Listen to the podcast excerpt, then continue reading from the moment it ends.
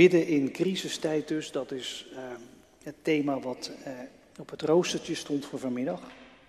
Het Bijbelgedeelte dat we daarbij lezen, of de gedeelten moet ik zeggen, komen uit twee koningen. Uh, het zijn een aantal gedeelten uit hoofdstuk 18 om even de context helder te krijgen. Het gaat over Hiskia in Jeruzalem dat belegerd wordt.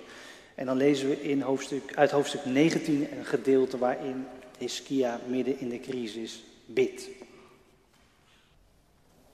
2 Koningen 18, vers 1. Hiskia, de zoon van Achas, werd koning van Juda in het derde regeringsjaar van koning Hosia van Israël, de zoon van Ela. Hij was 25 jaar oud toen hij koning werd. 29 jaar regeerde hij in Jeruzalem. Zijn moeder was Abi, de dochter van Zechariah. Hij deed wat goed is in de ogen van de Heer, net zoals zijn voorvader David gedaan had. Hij verwijderde offerplaatsen, verbrijzelde de gewijde stenen, haalde de asherpaal omver en sloeg de koperen slang die Mozes gemaakt had aan stukken.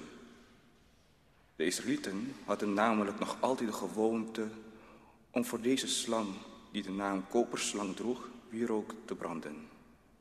Hiskia stelde zijn vertrouwen in de Heer, de God van Israël. Nooit, nog voor nog, na zijn tijd, is hij geëvenaard. Door geen van de koningen van Juda. Hij was de Heer toegedaan en heeft zich nooit van hem afgekeerd. Hij hield zich aan de geboden die de Heer aan Mozes heeft gegeven. De Heer stond hem bij, zodat Hiskia alles wat hij hem ondernam tot een goede einde bracht. Hij kwam in opstand tegen de koning van Assyrië en weigerde nog langer dienst vassal te zijn. Hij was het ook die de Filistijn terugsloeg en het hele gebied tot aan Gaza in omliggende dorpen veroverde, van de kleinste wachtpost tot de sterkste vestingstad. Ik ver naar vers 13.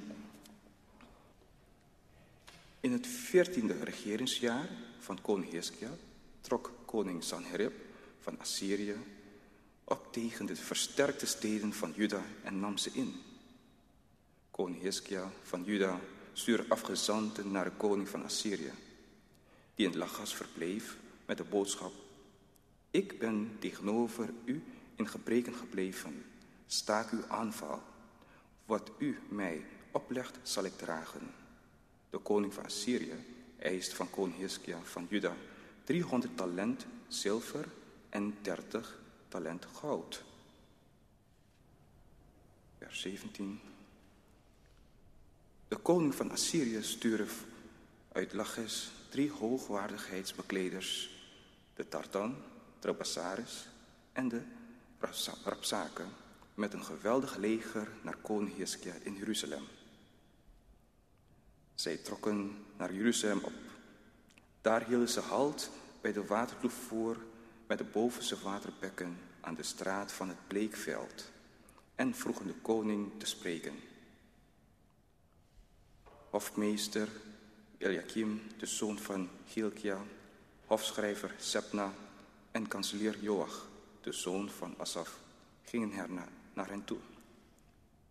De rapzaken zei tegen hem, zeg tegen Hiskia, dit zegt de grote koning, de koning van Assyrië, waarop berust toch het vertrouwen van u.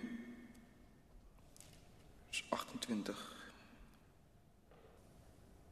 En hij rechte zijn schouders, verhief zijn stem en zei in het Judees, luister naar wat de grote koning, de koning van Assyrië, u te zeggen heeft. Dit zegt de koning.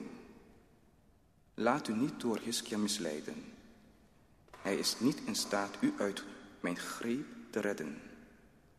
Laat u niet door hem overhalen uw vertrouwen te stellen in de Heer. Als hij beweert, de Heer zal ons vast en zeker redden en de stad zal niet in handen vallen van de koning van Assyrië. Luister dan niet naar hem. Want dit zegt de koning van Assyrië.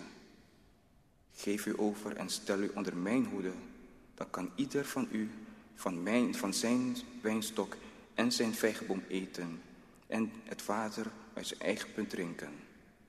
Tot ik kom en u meevoer naar een land dat niet onderdoet voor wat, voor dat van u een land van graan en wijn, van brood en wijngaren, van olij, olierijke olijfbomen en honing. U zult een leven blijven en hoeft niet te sterven. Luister toch niet naar Hiskia, die u valse hoop geeft met zijn bewering dat de Heer u zal redden. Hebben de goden van andere volken hun land soms gered uit de handen van de koning van Assyrië? Koningen 2, 2 Koningen, 2 Koningen, 2 Koningen, 2 Koningen hoofdstuk 19, vers 8.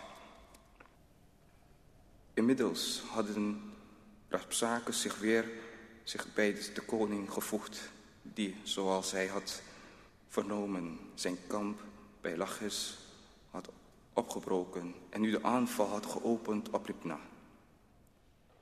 Maar toen de Sanherib het gerucht opving dat koning Tiraka en van Nubea was uitgetrokken om de strijd met hem aan te binden, zond hij opnieuw gezanten naar Hiskia met de opdracht Zeg tegen koning Hiskia van Juda, laat u niet misleiden door de Heer, uw God, in wie u vertrouwen hebt gesteld, omdat hij u heeft toegezegd dat Jeruzalem niet in handen zal vallen van de koning van Assyrië. U hebt toch zelf gehoord hoe de koning van Assyrië alle landen vernietigd hebben? Zou je dan niet gered worden? Gozan, Garan, Rezef en de inwoners van Eden in Tassalat, die door mijn voorouders werden uitgeroeid, zijn toch ook niet door hun goden gered?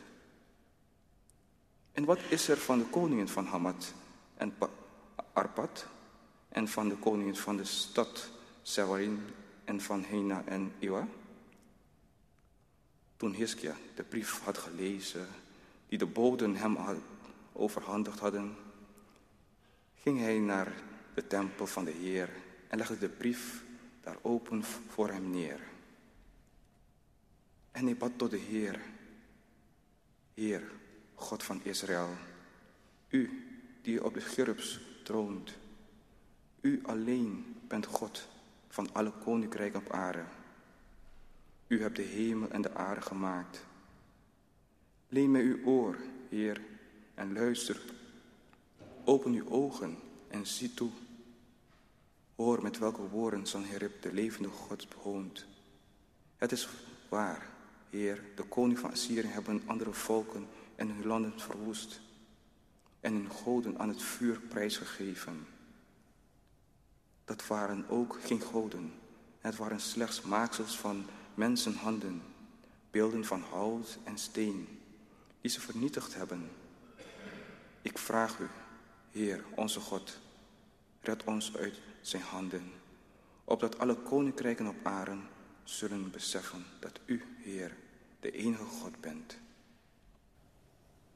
Meter van Jezus Christus, eh, bidden in crisistijd en eh, 2 Koningen 18 en 19, dat is het eh, voor vanmiddag, waar we mee bezig zijn en ook gaan in de preek. Het gaat dus over uh, Hiskia in een belegeringssituatie. Het wel apart in de morgendiensten lezen wij natuurlijk nu uh, Ezekiel. Dat, dat speelt honderd jaar later. Maar het lijkt, er, het lijkt er in zekere zin sprekend op. dezelfde soort crisis. Ook hier is Hiskia vazal van, van het rijk van Mesopotamië. Hiskia moet elke dag, elk, elke dag, elk jaar belastingen betalen. En het, het, Noordrijk van Israël met Samaria, dat, dat bestaat al niet meer. Dat is al ingenomen door de Assyriërs. Mensen zijn al weggevoerd. En Hiskia die, die stopt dus met, met dat betalen. Die komt in opstand. En of dat nou wijs was, politiek gezien of niet, dat durf ik niet zo te goed te zeggen. En misschien eigenlijk niet, want ja, zoiets kan eigenlijk alleen maar fout aflopen. Uh, die Assyriërs zaten op de toppunt van hun macht. En om dan uit, uit een bondgenootschap te stappen en, en te stoppen met, met, met belastingen betalen, dat, dat ziet er niet heel, heel verstandig uit. Um, Hiskia doet het dus wel. En inderdaad komt de Assyrische koning Sanherib uh, naar het kleine koninkrijkje Juda toe met een militaire campagne. Uh, je moet je voorstellen, je, je had Jeruzalem en daaromheen had je een soort Hollandse waterlinie, zal ik maar zeggen. Niet, niet met water, met allemaal vestingstadjes. En die moesten, nou ja, Jeruzalem, voor Jeruzalem de eerste klap opvangen. En de belangrijkste stad van die vestingstadjes was dus de stad Lachis. Maar het, het is net een soort domino-spel wat die koning van Assyrië uh, speelt. De ene stad naar de andere stad valt om. En, en ja, dan is Jeruzalem aan de beurt. De, de, de weg naar Jeruzalem ligt open en, en daar gaan ze. Een enorme crisis dus. Het is een crisis van lang geleden. Alleen is het aardige van deze crisis dat we daar eigenlijk heel veel over weten uit buitenbijbelse bronnen. Er zijn allerlei teksten teruggevonden die hierover gaan, maar er is ook beeldmateriaal. Heel apart. En dat is allemaal teruggevonden op de plek waar vroeger Nineveh lag. De ruïnes van Nineveh liggen aan de Tigris, eh, tegenover de huidige stad Mosul ligt het. En in die ruïnes bij het paleis van deze koning Sanherib, die in ons Bijbelverhaal staat, zijn analen teruggevonden van Sanherib. Waarin hij dus beschrijft hoe hij de ene na de andere Judese stad inneemt en hoe hij Hiskia gevangen houdt als een vogeltje in een kooi. En wat ook is teruggevonden, dat, is dus, dat zijn plaatjes, echt beeldmateriaal eh, van, van deze gevechten. In het paleis van die Sanherib uh, zijn reliefs op muren teruggevonden waarop deze veldslag uh, bij Lagis uh, in detail is getekend. is, nou ja, ingegraveerd in de muren. Of hoe ze het gemaakt hebben, ik weet het niet precies. Het is een soort stripverhaal. als je even googelt op belegering Lagis, L-A-C-H-I-S, dan vind je het zo terug, de plaatjes. En dan zie je het gewoon voor je. Het is hartstikke lang geleden, maar je ziet het gewoon voor je. En het zijn beelden die je eigenlijk ook gewoon wel kent. Beelden die je vandaag de dag gewoon ook ziet. En je ziet kolonnes van strijdwagens en belegeringsvoertuigen, net als vandaag kolonnes van tanks en raketsystemen. En, je ziet daar projectielen, stenen en brandbommen en, en bij ons zijn het, zijn het raketten. Maar het puin ziet er precies hetzelfde uit. Zoals nu in de Oekraïnse steden of in Syrische steden of in Gaza. En, en de mensen die je ziet afgebeeld, die afgevoerd worden. Ach, ze lijken precies op de huilende en rouwende moeders in Israël of in Gaza. Het zijn gewoon de beelden die je kent, maar dan van heel lang geleden. En bij die, inscrip, bij die, bij die afbeeldingen zit ook een inscriptie, uh, die zit daar zo boven. En daar zie je Sanherib op zijn troon zitten, afgebeeld. En daarboven, die, daar staat dus een inscriptie, daar staat Sanherib, de koning van de wereld. Ja, dat is niet bescheiden. In zekere zin wel terecht, zou je kunnen zeggen. Het was bij far de machtigste koning eh, in, in, in het, in, in het, uh, in het Midden-Oosten een wereldmacht van formaat, echt niet te stuiten, onverslaanbaar, vreed, geen compromis, gewoon niet tegen te houden. Maar goed, realistisch of niet, dit soort machten zijn natuurlijk nooit bescheiden. Die, die hebben goddelijke ambities. En, en dat laat ook zien waarom zo'n crisis zo, zo heftig is en zo uitlicht, uitzichtloos. Ja, toen, maar ook vandaag, en dat soort machten, ja, wat, wat kun je er eigenlijk tegen beginnen? Dus je, je wordt zomaar moedeloos of cynisch of je kruipt in je eigen warme bubbel. Macht. Machtsvertoon. je ziet het ook terug in, in de ronkende retoriek van de boodschappers van die Sanherib. Die vanuit Lagis dan naar Jeruzalem worden gestuurd. Die, die daar dan staat te roepen bij de stadsmuur van Jeruzalem. Het, staat ook zo in, in de brief die Hiskia krijgt. Echt van die, die dreigende, ronkende woorden. Woorden die erin hakken. Hiskia, geef maar op joh. Je gaat het niet redden met je legertje, maar ook niet met jouw God. Waarom denk je eigenlijk dat jouw God het wel zou redden? Kijk naar de goden van die andere volken. Je hebt niks uitgericht. Waarom vertrouw je op jouw God? Stop ermee. Geef op. Ja, woorden die, die zijn ook machtig natuurlijk, hè? in dit soort situaties, maar, maar sowieso. En die, die boodschappers van Sanherib, die, die weten dat ook. Hè? Die, die staan daar in verstaanbare taal, in het Judees te roepen zodat de mensen op de stadsmuur de moed in de schoenen zakt. Het verlamt je, zulke woorden. En, en zo'n brief die Hiskia krijgt, als je die uit de envelop haalt en je begint te lezen, ja, dan, dan ben je nergens meer. Die woorden, die, die slaan je plat. En, dat kennen wij ook wel natuurlijk. Hè. Dat, dat kennen we uit, uit de propaganda van machthebbers een dreigende taal. Maar je kent het vast ook wel uit, uit, uit je eigen kleine persoonlijke leven. Woorden die, die mensen tegen jou spraken, of misschien over jou spraken. Woorden die je in een hoek zetten, waardoor je wordt aangevallen, waarvan je s'nachts wakker ligt, weet je wel.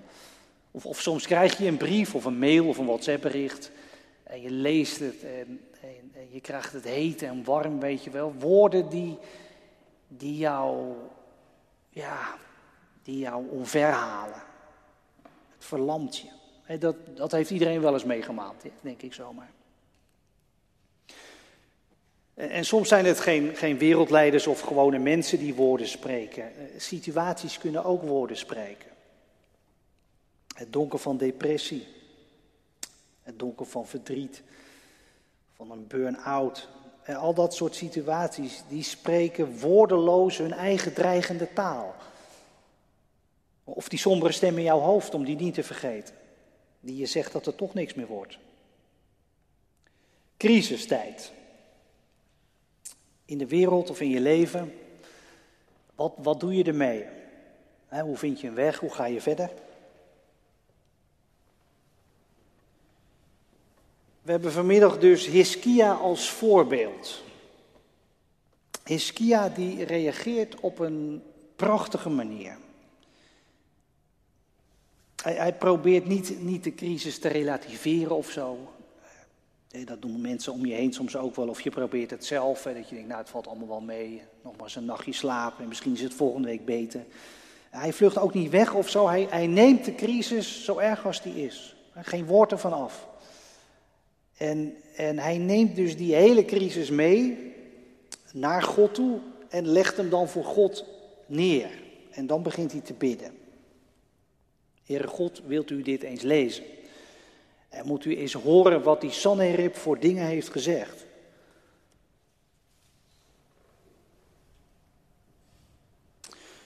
De situatie als een brief eh, voor Gods aangezicht neerleggen.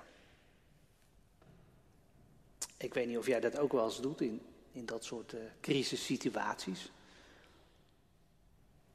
Eigenlijk ontroert het mij ook wel, moet ik zeggen, dat, dat Hiskia dit dus doet. Het heeft iets heel intiems, vind ik. Als je zo met God omgaat. Als je gewoon de hele shit meeneemt, om het zo te zeggen. En je legt het gewoon neer voor God. En je zegt, Heere God, moet u nou eens lezen. Lees nou eens even in mijn leven mee of, of lees eens even mee in de wereld. U, ziet toch ook wel dat het zo niet meer gaat. Helemaal eh, die Psalm 139. Hè? Heer die mij ziet zoals ik ben. Ehm, en, en dat God zo vertrouwd met je is. Gij kent mijn leven woord voor woord. Dat God jouw leven inderdaad leest, woord voor woord. Nou moet ik eerlijk zeggen, ik, ik vroeg aan jullie, eh, doe je dat ook in zo'n situatie? Ik moet eerlijk zeggen dat, dat dit, wat Hiskia deed, bij mij niet altijd ehm, de, de, eerste reactie is hoor. dat duurt soms ook wel eens even voordat ik naar God toe ga. Het liefst probeer ik het zelf nog te fixen. Maar goed, met een echte crisis gaat dat meestal niet meer natuurlijk. En misschien dat ik al wel heel wat nachten heb wakker gelegen voordat ik doe wat Hiskia heeft gedaan. Maar, maar toch, ja, eigenlijk weet ik ook niet wat je anders moet doen in zo'n situatie. Uiteindelijk, als je eigen oplossingen eh, failliet zijn, ja, wat, wat moet je dan nog? Ja, ik hoop dat, dat, dat je het kent, in elk geval, wat Hiskia deed. Dat je dat ook wel eens doet. En als je dat nou lastig vindt, hè, thuis, om dat te doen, misschien is het dan gewoon het beste om, om te doen wat je nu hebt gedaan. Dat je gewoon in een kerk gaat zitten. En, en in zo'n dienst mee gaat doen. Dat je verschijnt in het huis van God. Kijk, kijk hier, hier ben je misschien toch dichter bij God. Ja, niet echt natuurlijk. God is thuis ook, dat, dat weet ik. Maar, maar voor mij voelt dat eigenlijk wel zo. Misschien ook omdat je hier meer bewust bent nog. Dat je, dat je voor Gods aangezicht verschijnt. Dus, dus stap gewoon een kerk binnen zoals je vandaag hebt gedaan. Verschijn in het huis van God. En ja, leg de situatie gewoon open. Dat is, dat is bidden. Het is niet meer en niet minder dan dat je je leven openvouwt en, en door God gaat le laat lezen. U kent mijn leven woord voor woord. Nou ja, dat, dat doen wij in een dienst, ook vandaag, ook vanmiddag. Ons leven openvouwen voor God. En hem vragen om, eh, om mee te lezen. Ja, helpt dat als je dat doet? Um, ja, niet, niet, altijd op, op, de snelle manier, dat, dat, dat is helder natuurlijk. Um, bij, bij Hiskia komt er vrij snel hulp in, in deze situatie, dat wel. Sanherib vertrekt met zijn legers en, en wordt een tijdje later vermoord door zijn eigen zonen. Dus het gaat over de koning van de wereld. Nou ja, zo gaat dat dus met zo'n koning. Maar dat is, dat is misschien meestal niet zo, dat, dat het zo snel opgelost wordt. Soms wel, wel als je terugkijkt hè, op een situatie, dat je denkt, ja, dat, dat is toch door God opgelost. Maar misschien zie je ook niets en, en toch, toch helpt het wel in, in zekere zin. In een, in een hele bepaalde zin. Als je dit doet, als je met de crisis naar God toe gaat, gewoon hier in zijn huis en het voor God openlegt.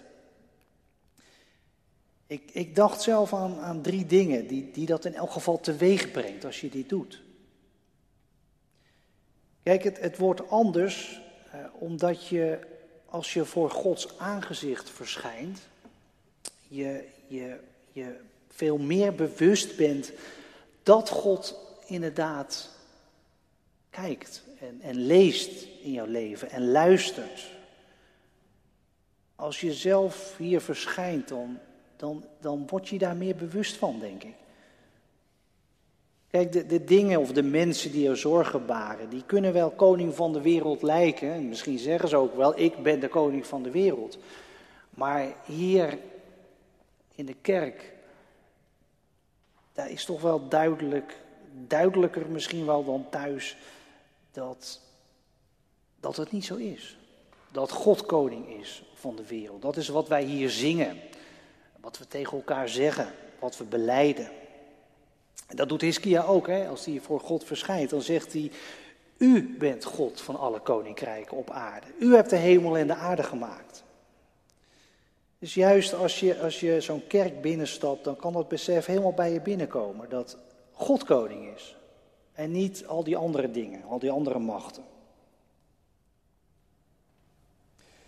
En wat, wat ook gebeurt, wat kan gebeuren als je je leven zo bewust voor God openlegt, thuis of hier in de kerk, is dat je, dat je ook beseft dat God meeleest, ja, met jouw leven, maar dat hij ook meeschrijft. Dat, dat is eigenlijk waar, waar Iskia om vraagt. Die vraagt of God redding kan brengen en, en of God het volgende hoofdstuk misschien wil schrijven van, van, van deze crisis. Of God iets wil doen. God schrijft ook mee aan je leven. Als je je leven voor God openlegt, dan leest Hij niet alleen. Hij schrijft ook mee. En God schrijft ook mee aan, aan de wereldgeschiedenis. Wij weten nooit waar het heen gaat, heel vaak niet in elk geval. Ook, ook vandaag niet waar het eh, in Jeruzalem naartoe moet, of in Gaza, of in Oekraïne, of, of Jemen, of Sudan, of Syrië. Geen idee eigenlijk. En ook in ons eigen land speelt van alles. Wat zullen die verkiezingen ons brengen? Je weet het ook niet. Of die crisis in je eigen leven, misschien wel dit moment. Je kunt niet in de toekomst kijken. Maar God schrijft mee. En, en wat hij schrijft is bepalend. En, en nu je hier bent in de kerk, eh, besef ook dat, dat God niet alleen aan het schrijven is, ook in jouw leven, ook in deze wereldgeschiedenis, maar dat hij ook al een gedeelte afgeschreven heeft. Ik bedoel, compleet heeft, niet afgeschreven in de zin van afschrijven, maar een stuk geschreven heeft dat al af is. En, en dat is niet wat in het verleden ligt, wat voorbij is, maar dat is juist wat nog komt. Besef dat God de toekomst al geschreven heeft, de conclusie. De conclusie van jouw levensverhaal. Het, het slot van deze wereldgeschiedenis. In Jezus heeft God dat al geschreven. Dat, dat ligt al klaar, om het zo te zeggen. En Jezus die jouw levensverhaal binnenstapt. Met al je falen en je schuld en je angst en je moedeloosheid. Die dat op zich genomen heeft en, en door de dood heen gedragen naar de overkant van Gods nieuwe wereld. God, God heeft al geschreven waar het heen gaat. Het laatste hoofdstuk ligt al klaar.